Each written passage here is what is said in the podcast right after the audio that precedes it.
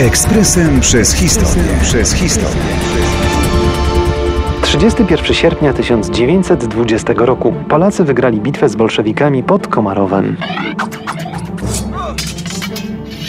O bitwie warszawskiej powiedziano i napisano bardzo dużo. Fakt była przełomowa nie tylko w dziejach Polski, ale i Europy. Ale o walkach pod Komarowem także powinniśmy pamiętać z prostego powodu. Był to największy sukces polskiej kawalerii w całej wojnie z bolszewikami. Jak słusznie zauważył historyk dr Janusz Osica w znakomitej książce 1920 rok niezwykły rok zwyczajny, była to bitwa jakby żywcem wyjęta z kart Sienkiewiczowskiej trylogii. Dla wielu miłośników kawalerii było to też ostatnie, ale i największe klasyczne starcie dwuma z kawalerii od 1813 roku.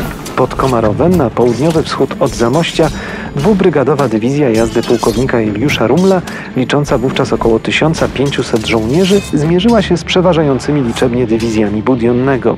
W chaosie bitewnym nie brakło z obu stron zaskakujących niespodzianek i dramatycznych zwrotów akcji. Pod Komarowem stracił Budionny swą sławę niezwyciężonego Mołojca, a jego armia cały swój wigor bojowy.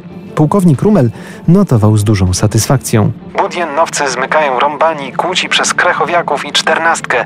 Całe przedpole wraz z zasłaniającym horyzont wzgórzem 256 przechodzi w nasze ręce. Ten sukces polscy kawalerzyści opłacili wielką daniną krwi. Straty naszej strony to około 300 poległych i rannych. Był to jednak ważny moment zwrotny na froncie południowym. Bolszewickie zakusy na Polskę wkrótce potem legły w gruzach. Przynajmniej na ten moment w historii. Ekspresem przez historię. Przez historię.